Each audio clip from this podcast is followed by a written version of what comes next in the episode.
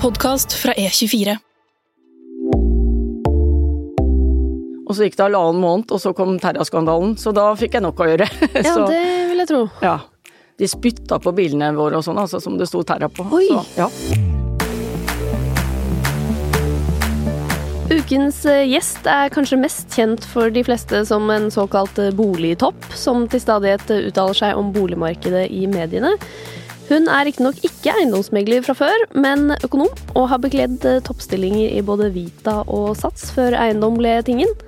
Velkommen til Voksenpoeng med meg, journalist Nora Rydne i E24, og velkommen i studio, Grete Meier, administrerende direktør i Privatmegleren. Tusen takk. Er du klar for tre kjappe voksenpoengspørsmål? Det er jeg. Hva er det beste du har gjort for eh, karrieren din, Grete? Det er faktisk at jeg gikk på kurs Dale Carnegie, presentasjonsteknikkurs. Jeg var veldig redd for å presentere i enten lese høyt eller stå på scenen. Og åtte kvelder med Dale Carnegie tok først en del av eh, skrekken min, og så tok jeg åtte ganger til. og da begynte det å slippe. Det skulle man ikke tro, at du var redd for å eh, prate offentlig. Nei, og det var, men jeg var virkelig redd for det. Og, så jeg gjorde det tidlig i karrieren, om du kan si det sånn. Og det gjorde at jeg etter hvert turte å ta og gripe mange flere muligheter som dukket opp. Hva er det beste du har investert penger i? Ved siden av bolig så er det nok eh, litt aksjer, og jeg sitter som eier i EVO, treningskjeden, som eh, jeg har stor tro på. Hva er det verste du har investert penger i, da? Det er faktisk noe som heter KS-andeler, eller kommandittselskap, som var i jeg vil nesten si gamle dager. Det var i 84-85, hvor eh, mannen min og jeg hadde Det var sånn skattemotivert investering, så man fikk fratrekk på inntektsskatten sin, men så var det en risiko. Og begge, det er sånn, man, Vi eide to svære skip, da, eller båter. Og begge to gikk etter hvert konkurs fordi markedet gikk mot oss, og vi måtte betale inn alt av kapitalen som vi da hadde stilt ansvarlig for. Ei. Så det var over to millioner den gangen, og det var mye penger når vi var unge, så vi kjente på den på kroppen en del år etterpå. Grete, du har jo gjort veldig mye forskjellig. Så hva var planen din som ung? Eh, Som ung så var egentlig livet mitt kun opp Eller jeg var bare opptatt av trening, nesten. Jeg kunne gjerne ha tre økter per dag og nøt det. Og drømmen min var å bli forsker. Og gå på idrettshøyskolen og så bli forsker og forske på kropp. Jeg var veldig interessert i hvordan menneskekroppen fungerte. Okay, Men ikke toppidrettsutøver? Eh, Jeg hadde lyst Jeg var god i vold, jeg var på landslaget i volleyball, så Men jeg var aldri Det er jo aldri noe å kunne jobbe med. Så jeg var klar over at ikke jeg hadde noe Altså kunne bli toppidrettsutøver og tjene penger på det. Det hadde jeg aldri tenkt på. Ok, Så du skulle være liksom sånn litt hobbyidrettsutøver mens du Eller hobby-toppidrettsutøver Ja. mens du forsket? Helt riktig. Så jeg var bare veldig glad i å trene, og, men jeg hadde lyst til å ha en vanlig karriere ved siden av. Ja, Og hva tenkte du da? Hva skal, eller hvordan skulle du bli forsker? Målet mitt var først å begynne på idrettshøyskolen, og gå der så lenge jeg kunne, og ta Det var vel tenkt litt som når andre reiser, så ville jeg bare trene, det var liksom det som var målet, og så gå videre der og utdanne meg videre, og da tenkte jeg nok mye på, på kroppen og hvordan jeg kunne ta. Jeg tenkte ikke på noe lege eller noe sånt den gangen, men mer å lære Så jeg hadde nok ikke lagt noen plan for hvilke studier jeg skulle ta eller noe sånt, og det var bare en drøm jeg hadde som ung. Ok, Jobbe med kroppen. Ja, jobbe med kroppen, forske med den. Var, jeg var liksom så fascinert av alt som skjer eh, automatisk med kroppen vår, som vi ikke tenker på. Så det hadde jeg liksom lyst til å Men som sagt, det var ganske tidlig, og jeg hadde ikke tenkt hvordan jeg skulle studere det eller forstå det, annet enn jeg var fascinert over det. Var du skoleflink, da? Jeg var nok eh, det, sånn relativt grei, ja. Så hva, hva endte det med når du skulle Det endte med at jeg, når jeg da var ferdig med videregående, så kom jeg inn på idrettshøyskolen. Men så skadet jeg meg den sommeren, og i tillegg så fikk jeg leddgikt, og en sånn ungdomsleddgikt som er ganske aggressiv. Så heldigvis hadde jeg slengt inn noen søknader også på økonomi, for jeg tenkte at i verste fall, hvis jeg ikke kommer inn på idrettshøyskolen, så må jeg jo ha noe annet å gjøre. Og da ble det jo ikke noe videre på, for den leddgikten ble ganske kraftig de par første årene, så da ble det verken noe trening eller noe idrettshøyskolen, og da ble det økonomi i stedet. Var det greit, eller var det på en måte en kjip sånn eh, plan B? Eh, Det var jo altså veldig kjipt selvfølgelig der og da, og det verste syns jeg var at jeg var fra å ha vært litt sånn guttejente, så ble jeg liksom en veldig forsiktig feminin jente fordi at jeg var såpass dårlig. Og det, akkurat den likte jeg ikke så veldig godt sjøl, for det var liksom ikke helt min personlighet. Men samtidig så tror jeg det var bra at jeg ble såpass dårlig i starten, for da var det ikke noe alternativ å prøve å komme tilbake. Nei, for du kunne endt med å bruke veldig mye tid på det. Ja. Men da var det bare helt lukket? Da var det ferdig, og det tror jeg var greit. Og sett i ettertid så tror jeg jeg skal være kjempeglad for det. For ikke tror jeg jeg egner meg som forsker, jeg er litt for utålmodig som person. Så jeg tror jeg har havnet helt riktig, sett sånn i ettertid. A lot can happen in three years, like a chatbot may be your new best friend. But what won't change? Needing health insurance. United Healthcare Tri Term Medical Plans, underwritten by Golden Rule Insurance Company, offer flexible, budget friendly coverage that lasts nearly three years in some states. Learn more at uh1.com. Say hello to a new era of mental health care. Cerebral is here to help you achieve your mental wellness goals with professional therapy and medication management support. 100% online. You'll experience the all new Cerebral Way, an innovative approach to mental wellness designed around you. You'll get a personalized treatment plan from a therapist, prescriber, or both in a safe and judgment free space. Your cerebral therapist or prescriber will outline a customized plan with clear milestones along the way so you can get to feeling your best. With Cerebral, you're not alone in your mental health journey. We're here to empower you to live a fulfilling life. So take that first step towards a brighter future and sign up today at cerebral.com slash podcast and use code ACasts to get 15% off your first month. Offer only valid on monthly plans. Other exclusions may apply. Offer ends July 31st, 2024. See site for details.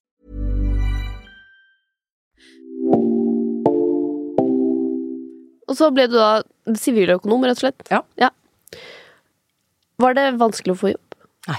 Nei. Nei. Du kom jo til liksom en bra, bra Jeg, tid ja, i markedet. ja, det var god tid å få jobb, så jeg tror de aller fleste fikk jobb. Og den tiden var det veldig attraktivt å være ung også, faktisk. Så, men det er klart, jeg hadde jo flaks, for eh, jeg fikk jo trainee-stilling i Narvesen, og det er vel 858 søkere, tror jeg det var. Så øh, vi var tre stykker som hadde, var tre eh, trainee-stillinger, så jeg tror jeg får si at jeg hadde flaks og fikk den. Ja. Hvordan fikk du den, da? Var det bare flaks?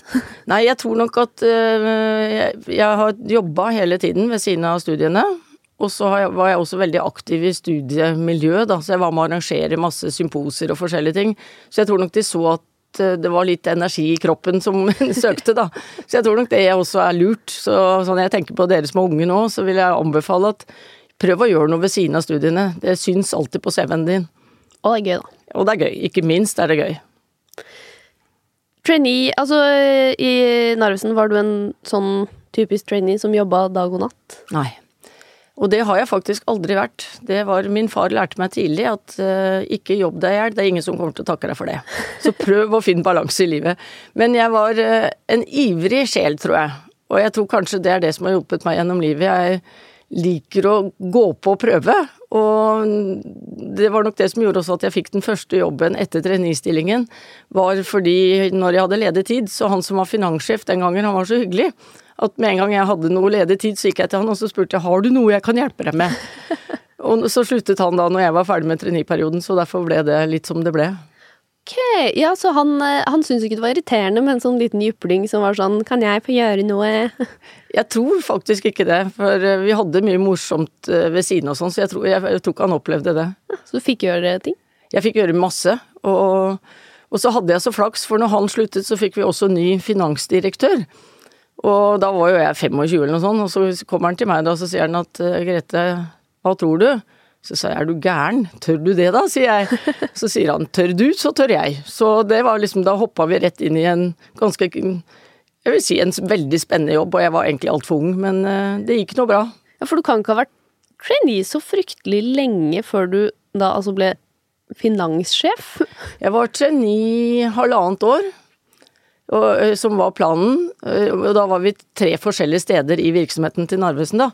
Og så ø, begynte vi da på finanssjefjobben, og det var dødsspennende, for det, han var ny, jeg var ny, og vi begynte da å legge om forvaltningen Vi hadde rundt pluss-minus 300 millioner den gangen som vi skulle prøve å plassere for å få best mulig avkastning, da. Så vi jobbet med aksjemarkedet, og vi jobbet med pengemarkedet og med ulike ting. Og det som var morsomt, var at etter to år så kom det som heter Folketrygdfondet i dag, som er veldig stort. De kom til oss og ville lære på hvordan vi hadde gjort det. Så da husker jeg vi klappa hverandre på skulderen og sa at kanskje vi ikke er helt gærne likevel. Selv om vi, følte oss ganske amatørmessig, det må jeg innrømme når vi starta. Men eh, hva tenkte du da du liksom gikk fra eh, helt fersk i arbeidslivet, nesten, til sjef? Eh, det, jeg tror ikke jeg hadde turt å ta den jobben, hadde det ikke vært for at faren min var banksjef. Så jeg visste liksom, for vi jobbet jo mye mot bankene og altså, konsernkontostrukturer og masse sånne ting, og det vet jeg at, visste jeg at han kunne. Og så Mannen min har jobba i finans hele livet, så jeg visste at jeg kunne spørre han om en del på aksjesiden og plasseringssiden. Eh, hvis ikke så hadde jeg nok vært litt mer engstelig, men uh, igjen så Og det vil jeg igjen si til dere som er unge, grip de mulighetene som er der. Det er som regel ikke Det pleier å gå ganske bra uansett. Så, og jeg følte meg jo trygg med at han som var finansdirektør, var jo selvfølgelig både eldre og mer dreven enn meg. Og det gikk, det gikk bra? Det gikk bra. Det gikk veldig bra. Vi fikk til masse, og jeg tror faktisk de bruker veldig mye av den strukturen vi la opp den gangen videre i dag også. Ikke verst. Ja.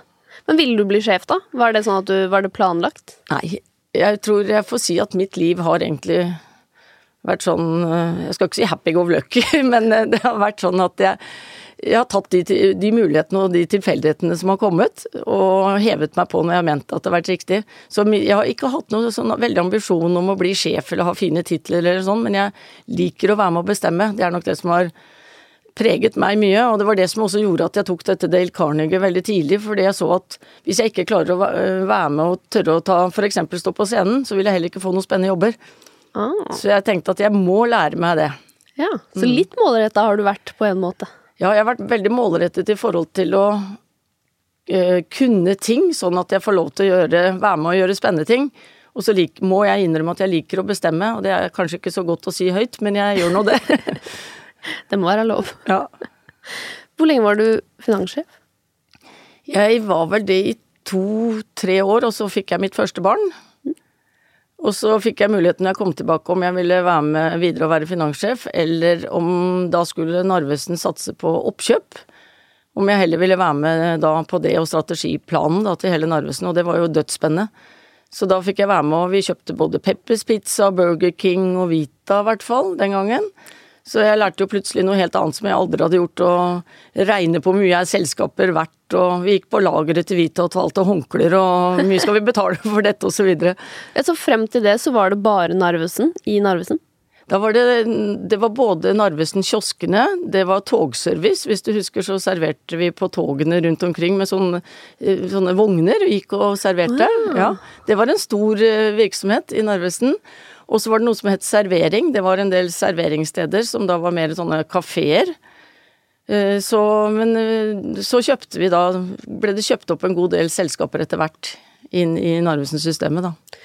Men eh, da du var hjemme med barn, jeg skjønte at det syntes du var kjedelig? Ja, altså hun første vi fikk var jo også verdens snilleste lille barn, da, så hun, hun lagde jo ikke så mye leven. Og så, Det var også fordi at eh, når jeg jobbet i Narvesen, så Harald Tyrdal, som var konsernsjef da, han ville gjerne at vi skulle legge til rette for at det var lettere å være kvinne og leder i Narvesen. Så da spurte han meg tidlig om jeg ville være med i noe det han kalte likestillingsutvalg, syntes han vi skulle starte. Og jeg bare sa er du gal, du må ikke spørre meg likestilling, jeg liker verken ordet og jeg hater kvoteringer og alt sånt. Men så snakket vi litt sammen, og så viste det seg først at eh, i Narvesen så er det jo veldig mange som hadde jobbet i veldig mange år, og det var veldig forskjell mellom lønnen til kvinner og menn i like stillinger. Så sa jeg at det vil jeg kjempe for, for det er ikke rettferdig. Så vi fikk faktisk til et lønnsoppgjør hvor alle damene fikk dobbelt lønnsøkning, og hvor mennene sto stille og var villige til det for å jevne ut forskjell. Så det var jeg veldig stolt av. Og det andre jeg gjorde da når jeg var i permisjon, var at vi hadde en, et bygg på tomta til der Narvesen-huset var som ikke ble brukt, og som var et næringsbygg. Og da spurte jeg veldig pent opp i konsernstyret og sa at bør ikke vi få en barnehave her i Narvesen? Og etter litt om og men så fikk vi ja til det, og da tok jeg ansvaret for å få alt fra å omregulere tomten til pusse den opp, sy alle sofaer, alle gardiner, så jeg satt hjemme og sydde veldig mye den tiden der. Ja, for det var lavbudsjett. Det var lavbudsjett. Det var, og det vi fikk som eh, altså fra konsernstyret, er at dere skal få på en måte bygget uten å betale husleie, men dere må klare å drifte det break even. Så da lærte jeg hvordan man skal snakke med bydel for å få gi bort plasser og få støtte i retur, og hvordan vi bygger opp og hvordan vi ansetter og med kvalifikasjoner og Så vi hadde sivilarbeidere, én på hver avdeling for å klare å få til å gå rundt, men de var jo også verdens herligste. Med, der var det langt hår og gitarer og lagde veldig stemning. Så denne barnehaven som da het Narvetassen, ble en litt sånn skal si, nesten litt kuriositet da, i hele Og skapte liv, selvfølgelig, i, i bygget. Ja. ja. for dette var jo en tid der eh, barnehageplass var litt vanskelig å få. Ja. Det var ikke barnehageplass til alle? Nei, det var det ikke. Og så hadde vi to avdelinger med de minste barna, eh, og det er det aller vanskeligste å få. Mm. Så det var veldig mange som var selvfølgelig kjempetakknemlige, og så kunne du gå og levere, og så hvis det skjedde noe i barnehagen, så var det ett minutt, og så var du der borte. Ja. Så det var kjempepraktisk. Så så derfor gjorde jeg det når jeg gikk hjemme, og det syns jeg var veldig gøy og veldig spennende og litt annerledes. Og jeg var litt stolt, må jeg innrømme, når du så alle disse små barna tassa inn. Og søsteren min hadde eh, sydd fane og logo, hun er litt mer kreativ enn meg. og vi hadde liksom Det var en sånn dugnadsånd med alle som var med, så det ble en fin barnehage. Eksisterer den fortsatt, da? Nei, den, når Reitan kom inn, altså den står der enda, men eh, da når de kom inn, så ble den eh, dessverre lagt ned. Den, men den var i mange år, jeg vil huske ikke si åtte-ti år, tenker jeg. Ja. ja. Men så ble det en litt annen struktur og kultur da. Nettopp. Ja, for jeg har bare alltid tenkt, jeg, at Reitan har eid eh, Narvesen i all tid, men det er jo ikke riktig, det. Nei. De kom inn når kan det være, i 1998 eller noe sånt, tenker jeg, for da ledet jeg Vita-kjeden. Så da kom de inn, og da er det klart at uh, de så nok synergier i forhold til særlig detaljhandel og dagligvare sammen. Og når jeg ledet Vita, så jeg må si jeg er veldig fascinert av Odd Reitan. Han er så klar i hodet sitt og på en måte enkel, ikke misforstå, han er absolutt meget smart, men han tenker litt enkelt som er veldig fornuftig, tror jeg. Og han gikk da til, eh, når, i konsernstyret, så sa han ville vi putta penga i estetikk eller Vita hvis vi måtte velge. Og estetikk var jo parfymeriene da. Ja. ja. Og da svarer han at, eller de andre, at jeg tror jeg ville prioritert estetikk hvis jeg måtte. Da sier han der og da, greit, da stopper vi alle investeringer i Vita. Og det hadde jo dere kjøpt liksom, mm. Hadde dere kjøpt opp for sånn, sånn, typisk oppkjøpsfond at dere skulle kjøpe det og gjøre det bedre og selge det? Nei. Det var tenkt inn som en del av porteføljen til Narvesen å satse på parfymemarkedet, da. Ja. Og så skulle vi ha estetikk som det selektive delen, og så skulle Vita være mer den folkelige delen, om du kan si mer velvære hygienedelen, da. Ja, ja. Men så skjønner jeg jo kjempegodt at når Reitan kommer inn, så var både estetikk og Vita egentlig litt sånne fremmede fugler inn i systemet. De vil ha servering, de vil ha dagligvare, de vil ha kioskbiten og deli, ikke sant. Da kunne du gjøre mer av andre typer konsepter. Men de var veldig fair, for jeg satt vet du hva, før vi stopper alt, så har jeg veldig lyst til å fortelle konsekvensene av det. Jeg er helt enig i at Vita ikke hører hjemme i porteføljen, men pynt brura før, før dere selger, er min anbefaling. Og det gjorde jeg i konsernstyret, og der var ikke Odd Reitan, for han kunne ikke den gangen. Og det var jo han som tok beslutningene, så jeg fikk lov å reise opp til han. og jeg husker det som det var i går, for jeg var jo så nervøs og skulle sitte og møte han Mo Spikk alene oppe på Lade gård, da. Og ble henta i den engelske taxien på flyplassen og i det hele tatt. Har han en engelsk taxi? Han har en sånn fin, gammel engelsk taxi med sjåfør. Helt nydelig. Og den hadde jeg bare hørt om, og så plutselig satt lille meg inni den, da. Men det var veldig spennende. Og så kom jeg og hadde lagt på jeg husker noe sånn foil med en sånn skihopper på hoppbakken. ikke sant? Så sa han vet du hva, jeg skjønner hva du skal snakke om. Nå går vi på kjøkkenet og så lager vi oss litt frokost. Og der ble vi sittende i tre timer og diskutere. Og jeg fortalte hva jeg mente om Vita var det ene, men vi diskuterte faktisk mest kjededrift. Og det var veldig spennende med å få diskutere med en som kan så mye rundt akkurat det. Ja, Så du måtte hjem til ham, faktisk? Ja, jeg satt på Lade gård på kjøkkenet hans. Ja, Snakk om å være liksom på møte på bortebane. Ja. Men han, var, han, er så folkelig, vet du, så det var dødskult. Så, og han ga meg så mye som tre timer. Og når jeg kom hjem ja. Han hadde jo ikke mail den gangen, så han sa fra til sekretæren at nå kan du hilse og Grete og si at de får fullføre hele omprofileringen og alt det, og så selger vi hvita etterpå. Så det var ganske kult. Så jeg, den, akkurat den episoden husker jeg godt. Det var morsomt. Men ble du sur for at liksom din din ting ble solgt? Nei, for det er business, eh, og jeg, jeg føler det var veldig riktig. Det var ikke noe vanskelig å skjønne at uh, de ville det. Ja. Ja, så det tenkte jeg at, men jeg var opptatt av at de skulle få mest mulig penger for det. Ja. Og det var derfor jeg var, ville gjerne fortelle de konsekvensene av å slutte, eller i hvert fall bare gjøre halvveis om profileringen, og så var det sånn svært butikkdatasystem som vi drev og implementerte. Ok, så hva, hva skjedde da? Nei, vi fikk gjort alt det, eller lagt planen, men midt i det så ringer de jo fra Sats. Og så sier de at ah. du, vi skal ha en ny administrerende til Sats- og spenstsentrene våre.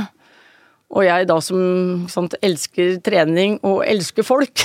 Endelig skal ja. du få jobbe med idrett. Ja, og jeg må si altså det føltes jo nesten som å skulle bare være på ferie hele tiden, for du jobber jo med, med fritidsinteressen din.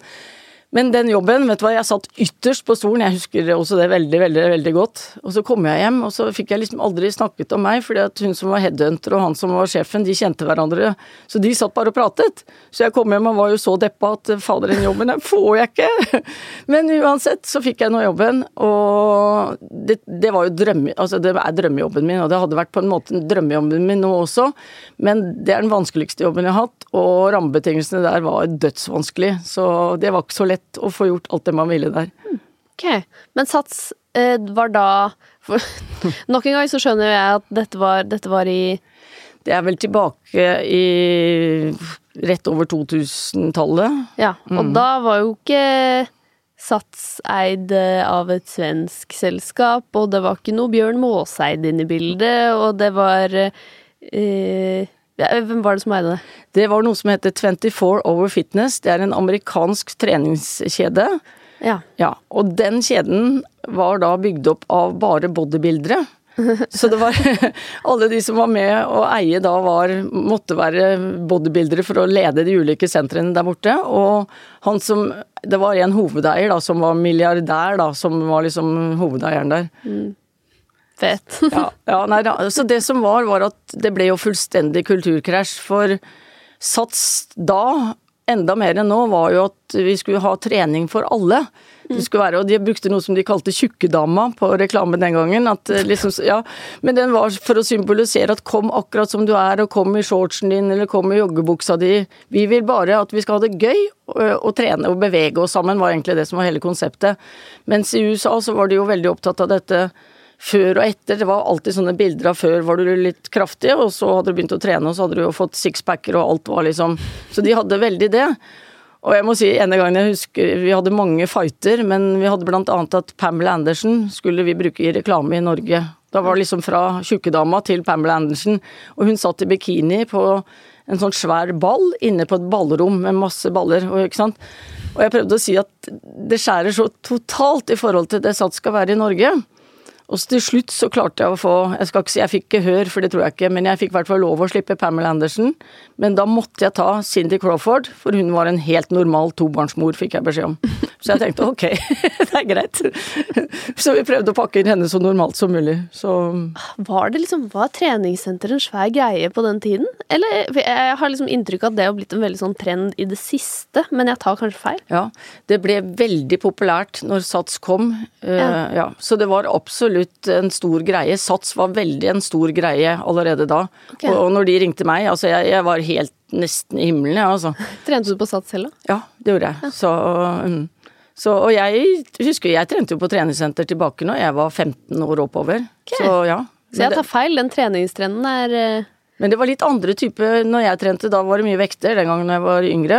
Og så kom Sats som da for første gang var med gruppetrening og alt dette andre, ja. og skulle være for alle. Og så har det selvfølgelig blitt mer og mer av det, det har det. Men også har det kommet mer styrkesenter nå enn det som var tidligere. For bodybuilderne i USA.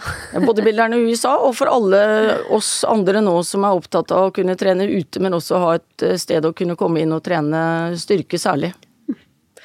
Hvordan eh, Altså, trivdes du selv om det var fighter om Pamela Anderson?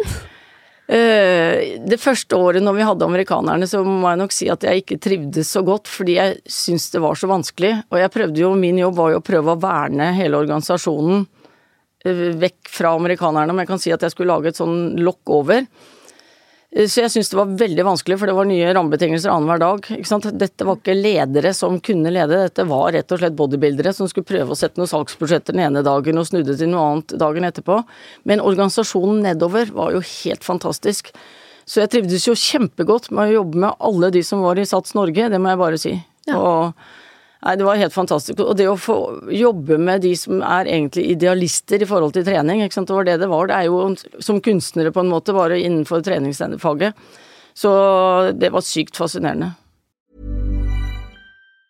Life is made up of many gorgeous moments. Cherish them all, big and small, with Blue Nile. Whether it's for yourself or a loved one, Blue Nile's unrivaled selection of expertly crafted fine jewelry and statement pieces help make all your moments sparkle. Blue Nile's experts are on hand to guide you, and their diamond guarantee ensures you get the highest quality at the best price. Celebrate a life well lived in the most radiant way and save up to 30% at BlueNile.com. That's BlueNile.com. Ryan Reynolds here from Mint Mobile. With the price of just about everything going up during inflation, we thought we'd bring our prices down. So to help us, we brought in a reverse auctioneer, which is apparently a thing. Mint Mobile unlimited premium wireless. Ready to get 30, 30, bit to get 30, bit to get 20, 20, 20, bit to get 20, 20, bit to get 15, 15, 15, 15 just 15 bucks a month. So, Give it a try at mintmobile.com/switch. slash $45 up front for 3 months plus taxes and fees. Promo rate for new customers for limited time. Unlimited more than 40 gigabytes per month slows. Full terms at mintmobile.com.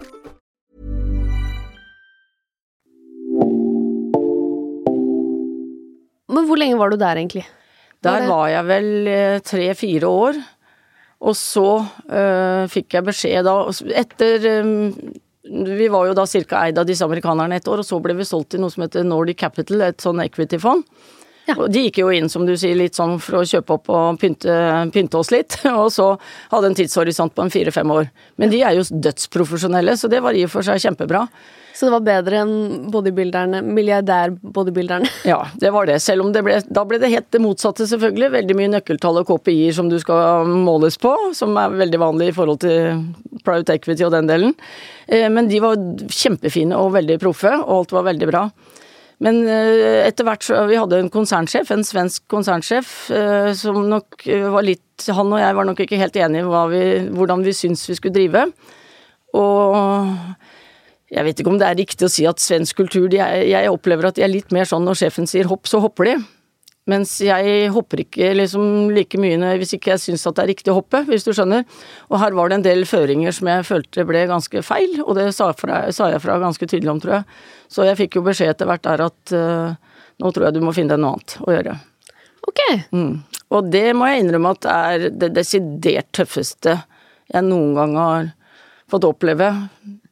Så Og jeg skjønte det fordi at vi to ikke gikk godt sammen, og da er det jo alltid at den andre må gå, så det, det, jeg skjønte jo det, men det å få beskjed at du ikke duger, det, den satt i kroppen min veldig, veldig lenge. Og når jeg da, etter vi ble enige om eh, sluttpakker og sånn, så satt jeg hjemme og telefonen da fra liksom å vært relativt aktiv, så tenkte jeg gud, har den gått i stykker, har den gått ut på lading, eller hva er det som har skjedd? Men det var helt stille, og det var Nei, jævlig tid, rett og slett. Ja. ja, fordi arbeidsledighet, det var ikke helt din greie? Nei, og da fikk jeg jo karantene etter den, så da hadde jeg tre måneder hvor jeg ikke fikk lov til å gjøre noe. Hmm. Og ikke snakke med noen. Uh, og det var som sagt en svært uh, Jeg må si fra å føle seg ganske I hvert fall uh, Vi hadde levert veldig gode tall, og alt var veldig bra i sats. Så da liksom å få det så, Altså, hvor raskt selvtilliten kan forsvinne, er ganske skummelt. Men ble du sinna på han der sjefen, da? Sånn, du hadde jo gjort det på en måte ikke noe sånn målbart dårlig, det var bare at dere hadde ulike visjoner. Ja, jeg tror vi gikk dårlig sammen, for å være helt ærlig. Og jeg, jeg hadde full forståelse for at det gikk sånn som det gikk. Og... Men åh, dette er jo veldig spennende, fordi dette ser vi jo hele tiden. Ja. At uh, ledere forsvinner.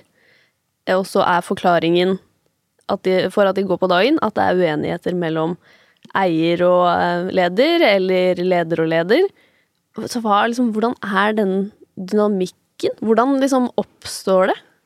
Det er et godt spørsmål. Det er nok sikkert mange forskjellige versjoner av ulike ting. Her tror jeg hos oss så hadde vi nok irritert hverandre faktisk over ganske lang tid. Ja, det var sånn personlig, Ja, her var det personlig. Fordi at uh, han kom med en del som sagt føringer som jeg mente var helt feil. Og jeg gadd ikke rett og slett til slutt å gjøre som han sa, helt ordentlig. Så jeg sa at i Norge så gjør vi det sånn, eh, og det, det Selvfølgelig aksepterte ikke han det, og det har jeg full forståelse for, sett i ettertid. Men eh, Så, så jeg, jeg, skjønte det veldig godt, og aksepterte det. Og jeg var ikke noe sånt jeg var sint på han etterpå eller noe sånt. Jeg bare tenkte at vi to skal ikke jobbe sammen igjen. Vi, vi egner oss ikke til å jobbe sammen. Men du fikk ikke noe say? Det var bare at du ble Ja. inn og var sånn 'nå er du ferdig her'? Ja, det var det. Og det. Men det er også helt fair. Og som jeg sa til han når vi, han fortalte at eh, finn deg noe annet, så sa jeg at da regner jeg med du har snakket med styret. Og det han hadde han. Og da sa jeg at da har jo du din backing der, da må vi bli enige om Jeg skal selvfølgelig ikke si noe på det, så da får vi bare bli enige om betingelsene for det. Så det var det som egentlig ble en sluttforhandling, og så gikk jeg med halen mellom beina ut. Må jeg innrømme òg. Det kom noen tårer da.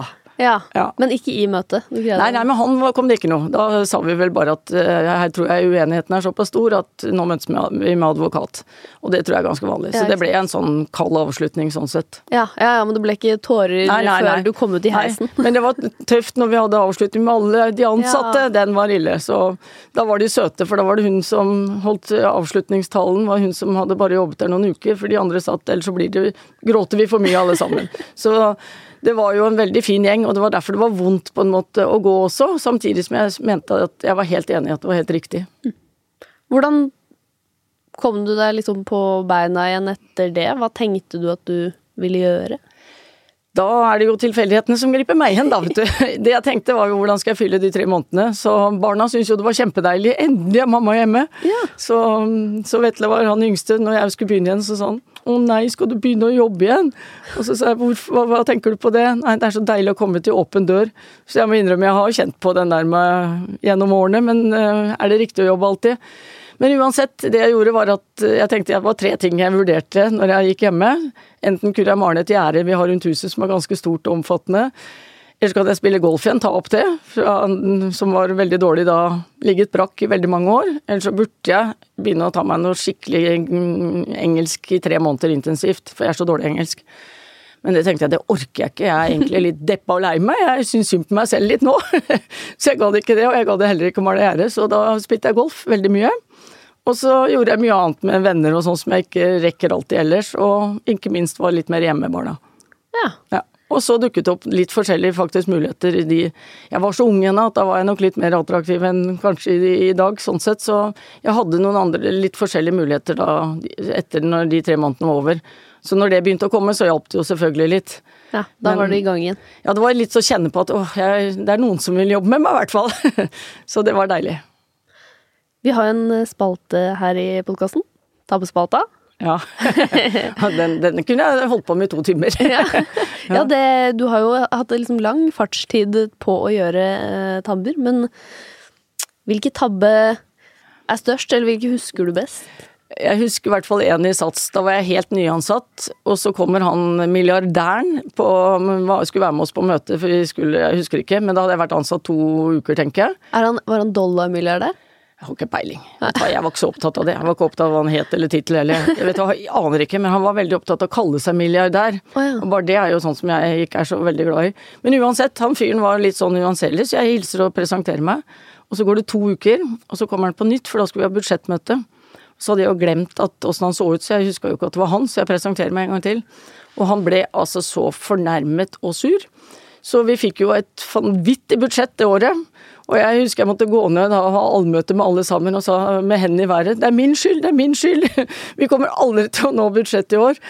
Eh, Men vi hadde heldigvis ikke sånn resultatbonus på det, så da gikk det ikke utover noen, for ellers hadde det vært ille. Så jeg sa bare at vi tok det egentlig for en stor latter, og jeg sa her har jeg virkelig bomma. Skikkelig gjort en blemme. Så den husker jeg veldig godt. Er det virkelig jeg bare Tilbake til han milliardæren. Er det så barnslig lederstil? Var det så barnslig? Ja, det var såpass. Men igjen, husk på den gjengen her var da bodybuildere, ikke sant. Som hadde bygd seg opp. Som da jeg, det er stygt å si det, men jeg tror ikke det var mye utdannelse og så mye annet de var så opptatt av. Eh, og når eh, Ja, nei, det var helt vanvittig. Men jeg, han var opptatt av sin tittel og sine penger. Og det var ikke jeg så opptatt av, så jeg hadde ikke lagt merke til. Så det, sånn er det. Så det straffet seg. Men vi hadde sykt mye moro av det. Og jeg tror kanskje det var noe av det som jeg tror jeg gjorde bra i tabben, da, var at jeg gikk ned og bare la meg helt flat i alle sammen, og så sa jeg her er jeg ny, og har jeg allerede gjort Er det mulig, liksom? Men så hver gang vi da presenterte månedlig regnskap etterpå, så sa vi ja ja, vi er ikke mer enn 20% bak. Nei, ja ja, men det er egentlig ganske bra, for jeg er langt foran fjor, eh, fjoråret. Det er bare at budsjettet er litt tøft i år. Så Ja, men. men altså, du var arbeidsledig, og så kom du deg en liten periode inn i bank. ja. Og, og så eh, var du da over eh, i boligbransjen, eller eiendomsbransjen, da. Yep. Hvordan eh, skjedde det? For da hadde du jo liksom holdt på veldig mye med eh, varehandel, og blitt eh, ganske god på det. Ja. Og så tjenestehandel. Ja. Og så er jo eiendom noe liksom Helt annet, Helt ja. annet. Helt riktig. Eh, Det som jeg tror bare er at det jeg lærte meg etter hvert når du får lov til å jobbe så mye, mye forskjellig i Narvesen, så lærer du deg alt mulig av kjededrift og driftsformer. Så jeg tror jeg er en av de i Norge som har vært innom flest forskjellige varianter med kommisjon i kioskene til å eie kjeder, til å ha franchisedrift osv. Så, videre. så jeg ble nok valgt inn eh, når de ringte fra Terra som de gjorde den gangen, så tror jeg de ringte fordi de visste at jeg kunne lede kjeder, men jeg kunne også kjededrift. Men det er klart, jeg kunne jo ingenting om eiendom, og jeg må innrømme jeg var ganske skeptisk, for jeg tenkte åh, nå skal vi litt inn i en sånn satsperiode med særlig amerikanerne, da, med mye gullkjeder og fine klokker og alt dette. Jeg så for meg litt igjen, for du har jo Jeg så for meg prototypen på hvordan eiendomsmeglere ble fremstilt, da. Men jeg er så glad for at jeg sa ja til det. Det er helt fantastisk å få jobbe med eiendomsmeglere. For du var først i Hva var det du var i? I Terra Aktiv eh, var Terra det først, ja. Og det var litt morsomt, for når jeg var i Bank 2 og den bankdelen, da, så valgte jeg det bevisst for å ha litt mindre å gjøre, for da begynte barna å si at mamma, du hører aldri etter lenger. og så, etter to år, så sa jeg fra til dem, vet du hva, jeg har ikke nok å gjøre, jeg fortjener ikke lønna mi en gang. Og så ringte de da fra Terra Aktiv, og så tenkte jeg bra, da får jeg litt mer å gjøre igjen. Og så gikk det halvannen måned, og så kom Terra-skandalen, så da fikk jeg nok å gjøre. Ja, så, det vil jeg tro. ja. Så det var jo en veldig spennende mm, periode på hvordan man skal prøve å få ting til å gå rundt selv om man faktisk er i en litt, jeg vil si en krisesituasjon som vi faktisk var da. De spytta på bilene våre og sånn, altså som det sto Terra på. Så, ja. så, det var, eh, så det var eh, ganske en tøff tid, men som jeg tror vi lærte usannsynlig mye av på hvordan vi skal komme oss gjennom og fokusere på det rette, og hvordan vi skal ikke ha fokus på det vi ikke får gjort noe med. Men eh, hvorfor bytta du da fra Terra-gruppen? Ja, det var nok fordi det skjedde en del med hele Terra den gangen. Jeg, når jeg begynte, så kjente jeg han som var konsernsjef, og da var visjonen at dette skulle bli et finanshus. Ok. Ja, og det syntes jeg var veldig spennende og skulle få lov til å være med på, men etter hvert som vi så utviklingen, og særlig etter Terra-skandalen, for å si det sånn, så mistet man jo en del av eh, bevilgningene sine på hva man kunne drive med. Så da ble det mer, jeg skal ikke si et innkjøpssamarbeid, men ikke så veldig mye annet allikevel egentlig enn det. Og da syns ikke jeg det var fullt så spennende å sitte og være med på det. Og så da begynte jeg etter Jeg hadde vel vært der i fire år, og det er første gangen i mitt liv jeg faktisk har gått aktivt ut og prøvd å søke, eller gått til headhunter og sagt at nå er jeg ute etter noe annet. Og, så jeg prøvde meg på tre litt sånne større jobber, men jeg fikk ingen av de tre. Så da, og så drev de og ringte da fra privatmegleren også en del ganger, så sa jeg at jeg kan ikke bytte internt i bransjen, det føler jeg veldig illojalt. Har jeg stått og snakket eh, med våre tidligere daglige ledere og franchisetakere at her må vi her må vi stå sammen hele veien. Og så er jeg en av de som er Så jeg følte meg ordentlig som Judas, men jeg sa til slutt ja. Og det var nok fordi jeg ikke fikk noe napp på noen av de andre. Og da var jeg litt sånn at jeg, jeg skal ikke bli her i det systemet her lenger, det føler jeg blir feil nå. Så da byttet jeg til privatmegleren, og så må jeg jo si i ettertid at jeg, det har jo vært Guds gave for meg, da. Men jeg hadde ordentlig vondt faktisk i hjertet mitt. Jeg syns det var pinlig i starten. Jeg ble de sinna, de da? Ja, det var noen av franchisetakerne som sa her står du og snakker om lojalitetsgrettet. Så sa jeg ja, vet du hva, jeg, jeg kan ikke forsvare meg engang. Det er helt riktig. Men jeg sa ja likevel, sa jeg. Og jeg, jeg er lei meg bare, men jeg gjør det. Du måtte bare stå i det. Ja, jeg måtte det. Men privatmegleren, de Ja. var glad. De var glad, og det må jeg si har vært Nå har jeg faktisk vært der i ni år, jeg har jo aldri vært i en annen jobb lenger enn fire. Men det er, det er Da kan du snakke om drømmejobb. Det er helt fantastisk, må jeg bare si. Og det å få jobbe med eiendomsmeglere, vet du, det er nesten farlig å si det, for da tror jeg andre kommer og vil ha jobben. Men de er så proaktive, de er så glade, positive, Og så er vi de veldig nødt til å gjøre en god jobb, alle meglerne, for vi lever veldig av anbefalinger. Så her gjøres det et meget godt håndverk hele tiden. Og så er det jo jeg skal si litt kyniske, da. Jeg liker jo litt sånn pølse av penga, jeg er litt den personen selv. Så her, vi trenger ikke å for mye fokus på kos og hygge. Altså vi skal ha det gøy på turer og fester og sånn, men til hverdags så jobber vi.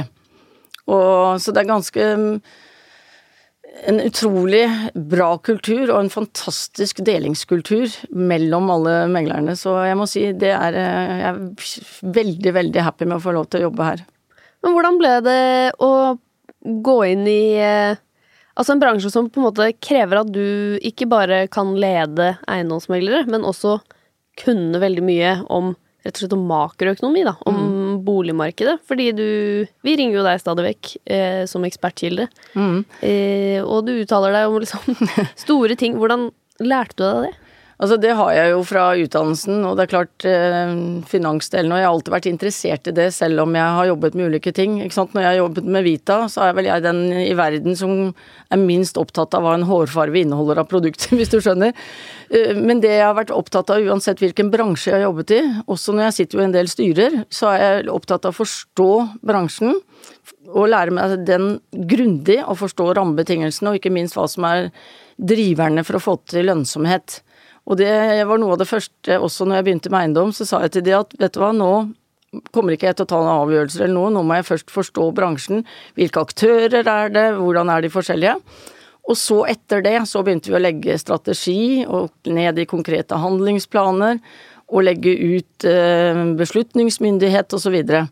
så jeg har vært alltid opptatt av å forstå bransjen, og ikke minst eh, det som driver de økonomisk. Og det tror jeg er årsaken også at eh, fordi de selskapene jeg har vært, så har vi gjort det økonomisk bra, og det tror jeg er Altså det jeg har tenkt hele veien, og det er sikkert fordi jeg er litt sånn selv også, jeg liker å ha forutsigbarhet og vite hva jeg får lov til å gjøre og ikke lov til å gjøre, hvis du skjønner. Så jeg har vært veldig tydelig til også organisasjoner på å legge mest mulig beslutningsmyndighet nærmest kunden de som jobber med kunden, for det er de som til syvende og sist skal gjøre ting godt og like godt, og så skal vi legge planene oppover. Og jeg tror det at det gjør ofte at de ansatte har vært fornøyd, og så blir kundene fornøyd, og så kommer jo lønnsomheten. Så vi har liksom alltid målt mye på de tingene og sett at det er kjernen til at det ofte har gått bra, da. Så hvis du greier å bli en god leder, så kan du bli leder hvor som helst, egentlig? Jeg mener det. Og jeg tror faktisk at i dag så observerer jeg nok at en del velger, eller i hvert fall ville jeg tenkt, rekrutterer litt for mye fra egne rekker og egne fagfolk, og ikke tenker på hvem som er de beste lederne til å ta det. For er du en god leder og kan lederfaget, så er det alltid så sykt mange i en organisasjon som kan det andre. ikke sant? Hos oss nå med eiendomsmegling. Vi prøver jo å få meglerne til å bestemme mest mulig av det vi tar beslutninger på, for det er jo de som til syvende og sist vet hvor skoen trykker og hva vi skal ta. Så min rolle er jo mer å være en slags fasilitator eller koordinator til å se hvor er det skoen trykker, hvem skal vi ha inn til å beslutte, og når vi har besluttet, så er min jobb å komme og legge planen på hvordan få det ut. Men selve beslutningen er det veldig sjelden jeg tar, eksempelvis. Og det tror jeg en del hadde vært mer tjent med enn å bare rekruttere fra fagfolk, for da kan det bli litt for mye fag, og man glemmer litt og kanskje se det litt fra helikopterperspektiv innimellom. I tillegg til at du gjerne tar ut en veldig dyktig fagperson til å ikke gjøre faget sitt, da. Mm, ja. Det er jo en klassiker i ja. mange bransjer. Ja, det er det jo veldig, ja. Så, og det også er jo igjen skummelt, ikke sant. Og vi ser jo det hos oss også, at ofte de beste meglerne blir daglige ledere. Og det er ikke gitt at det alltid er, er så lurt. For det, det, å være leder er noe annet enn ofte å være den beste selgeren, f.eks. hos oss. Jobber du fortsatt like mye som du har gjort før? For du sa jo mm. helt i starten der at du ikke var en som jobbet døgnet rundt, men jeg tror ikke helt på deg. Altså, jeg, det høres ut som barna dine også avslørte ja, her. Ja. Altså, det jeg tror er nok at uh, jeg har hatt mye energi, og sikkert enda mer når jeg var ung, for jeg husker mor alltid sa 'Å, Grete, veggene dirrer rundt deg, hold deg litt i ro'. Men jeg har nok vært sånn at jeg alltid har holdt på med ting. Mye. Ja. Men jeg har, ikke, jeg har, aldri hatt en ambisjon om å sitte på kontoret fra åtte til syv liksom om kvelden, men jeg er jo alltid tilgjengelig. Og jeg er jo glad i enda å mosjonere og holde på, så alle hos oss vet at fra sånn halv seks til halv åtte, da sitter jeg enten på sykkelen eller går i skauen, og da kan de ringe meg, for da går vi og skravler samtidig, enten om jeg sykler eller det. Så jeg er jo sånn sett veldig mye tilgjengelig, men jeg er ikke en sånn som er opptatt av å sitte lenge på kontoret, og det har jeg faktisk aldri vært. Men eh, barna dine, da? Har de vært sure og syntes at du har jobba for mye, eller eh, har de etter hvert liksom akseptert det, at det har vært greit med en veldig aktiv mor? Jeg tror ikke egentlig at de syns jeg har jobbet så mye. Vetle, han yngste hos oss, han ler litt og sier at eh, fader, du har for gode dager, vet du, sier han innimellom. Men han har en venn som er moren advokat, og hun jobber veldig, veldig mye. Ja. Men jeg tror nok han ser etter hvert at det er litt annen type For jeg jobber jo en del i helger og en del litt andre tider. Ja. Men jeg har nok vært relativt mye hjemme fra sånn femtiden ofte. Når jeg ikke er på reise, så er det, jeg er ofte hjemme, eh, sånn i normal tid. Men så sitter jeg litt eller snakker i telefoner og gjør litt sånn. Men jeg tror ikke Jeg håper jo ikke at barna syns jeg har vært for mye borte. Det gjør jeg ikke. Selvfølgelig har jeg tenkt på det tusen ganger og hatt mye dårlig samvittighet for det, men jeg hadde ikke vært en god mor hvis jeg hadde gått hjemme, det er jeg helt sikker på. Og jeg, vi har, jeg har prøvd etter beste evne å være så delaktig jeg klarer, og jeg tror jeg har vært det, altså. Ja. ja, det er bra. Så lenge de ikke har klager i ettertid, tenker jeg. Nei, nå klager de ikke i det hele tatt. Og nå fikk vi til og med at eh, For han yngste er jo 25 nå, så spiller han innebandy. Og vi har jo alltid vært med i haller og alt sånt, for eh, har, både mannen min og jeg er veldig glad i ballidrett, da. Så han øh, sa det nå at det er greit, du kan godt komme og titte nå òg. Så sa jeg jøss, får jeg lov til det nå? så, og de er i hvert fall mye hjemme hos oss og mye med venner og kjærester og sånn, så jeg tolker det som at vi har gjort Vi har i hvert fall gjort så godt vi kan ut fra sånn vi er som personer. Og det, er, det tror jeg man bare må gjøre. Eh, Grete, hvis du eh, kunne reist tilbake i tid og gitt deg selv et eh, råd som 20-åring, hva ville det vært? Jeg tror kanskje jeg tenkte litt sånn på han Harald Rønneberg. Jeg syns han er litt kul når han sier det er begrenset hvor dritt det kan gå, eller et eller annet sånt han sier. Jeg husker ikke helt. Eh, Og jeg er veldig enig med han. Eh, og er du ung, så vil jeg si at vet du hva, grip de mulighetene som kommer. Som regel så er det Det er veldig sjelden det er noe farlig som kan skje. Og så vil jeg også sagt at hvis du går inn og er positiv, jeg tror det er det som har gitt meg så mange muligheter, at en går inn med lyst og prøver. Og jeg har gjort så mye feil, men allikevel da, fordi jeg tror jeg har vært litt blid og liksom prøvd, da, så er det så mange som har villet hjelpe meg. Og det tror jeg vil skje med alle, så gå inn med lyst, prøv, så vil dere helt sikkert få hjelp og komme videre. Det tror jeg er det viktigste jeg kan si. Tusen takk for at du eh, kom hit i dag, Grete Meier, altså administrerende direktør i Privatmegleren. Tusen takk at jeg fikk lov til å komme. Produsent i dag, det var Kristine Masdal Odne. Og hvis du f.eks. vil lese skoledagboka til Grete, så må du gå og følge oss på Instagram. Der heter vi Voksenpoeng med Nora.